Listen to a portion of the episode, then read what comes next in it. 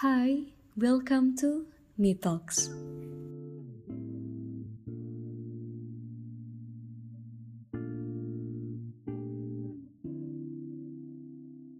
Well, it's been 8 months ya since our first quarantine. Udah 8 bulan loh. Kamu ngapain aja selama karantina? Aku yakin sih banyak hal baru serta perubahan-perubahan yang terjadi ke kamu, ke kita semua selama pandemi ini.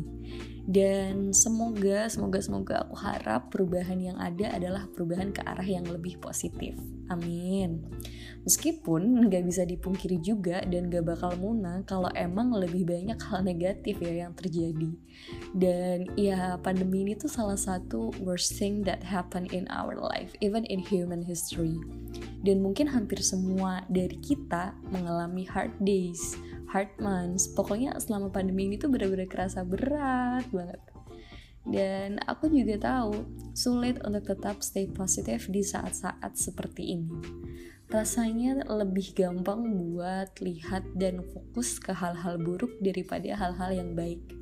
Tapi, tapi, tapi, tapi, selama 10 menit ke depan, while you're listen to this podcast, aku pengen minta kamu untuk usaha sekeras mungkin untuk bayangin dan inget-inget hal-hal baik apa aja sih yang terjadi di hidupmu selama pandemi ini. Oke, okay? siap ya? so, here we are. Let's start.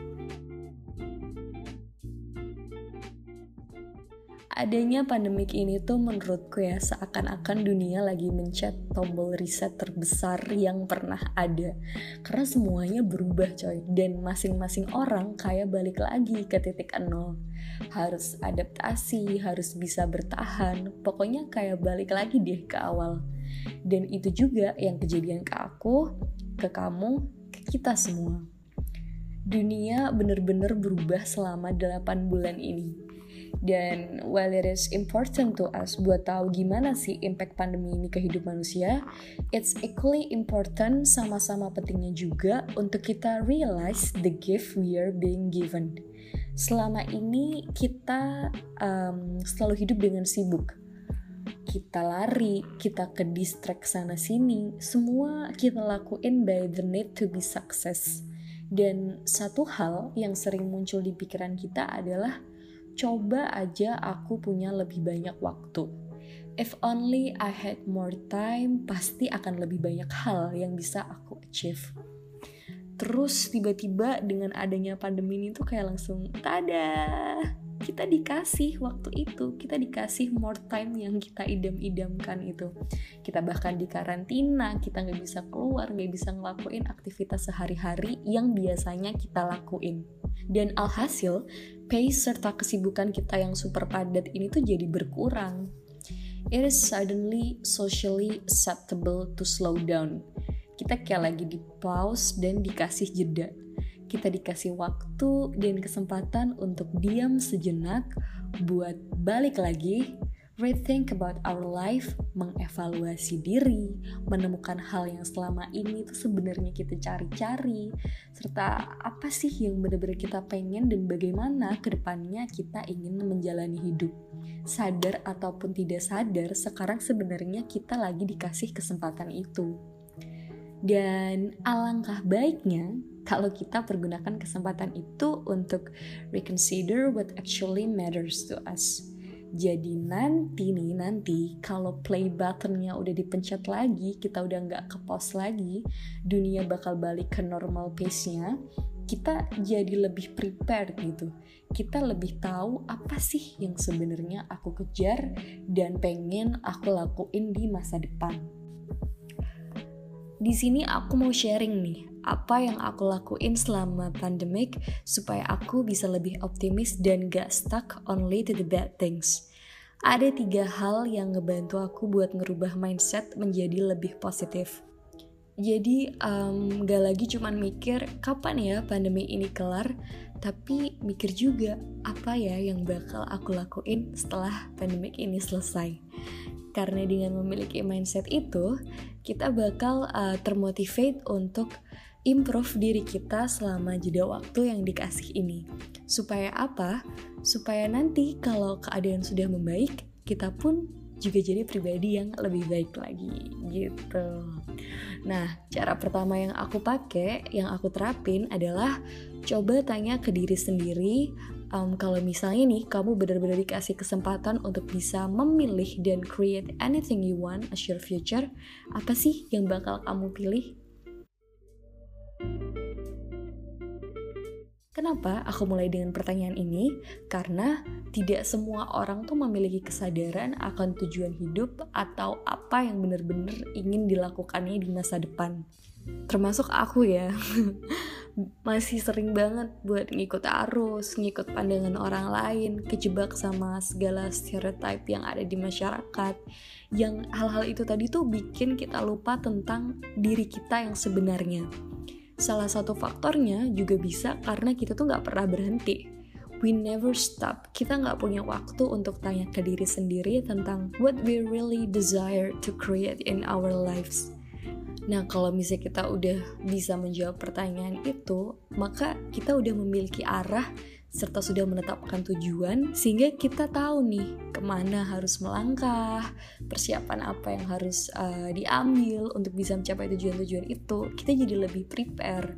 Dan ketika kita sudah tahu dan punya tujuan yang jelas secara otomatis kita juga punya semangat buat tetap looking forward to the day when this pandemic finally over nah yang kedua adalah try something new.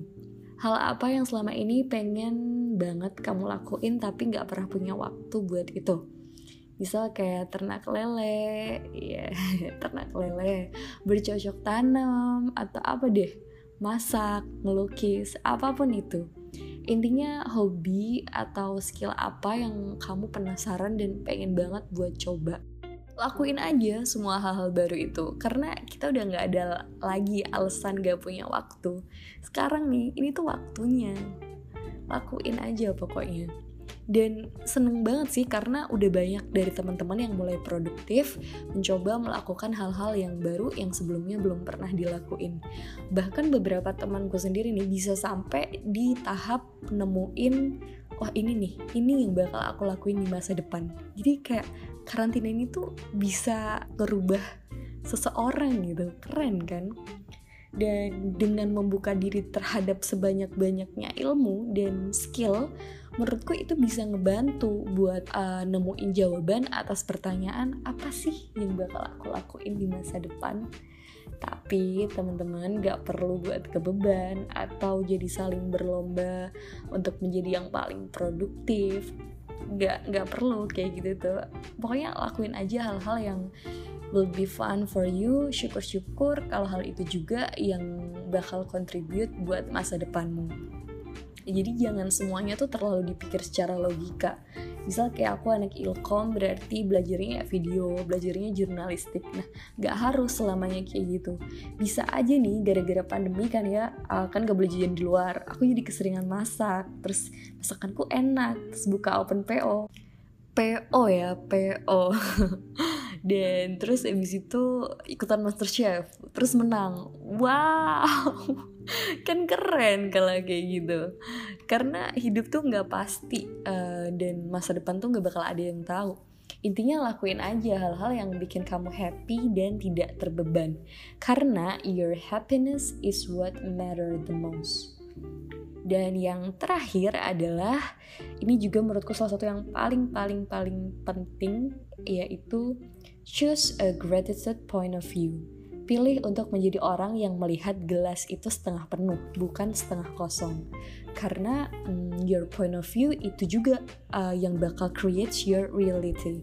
Ini alasan kenapa tadi di awal ya, aku minta kalian untuk usaha sekeras mungkin fokus ke hal-hal baik yang terjadi di hidup kalian.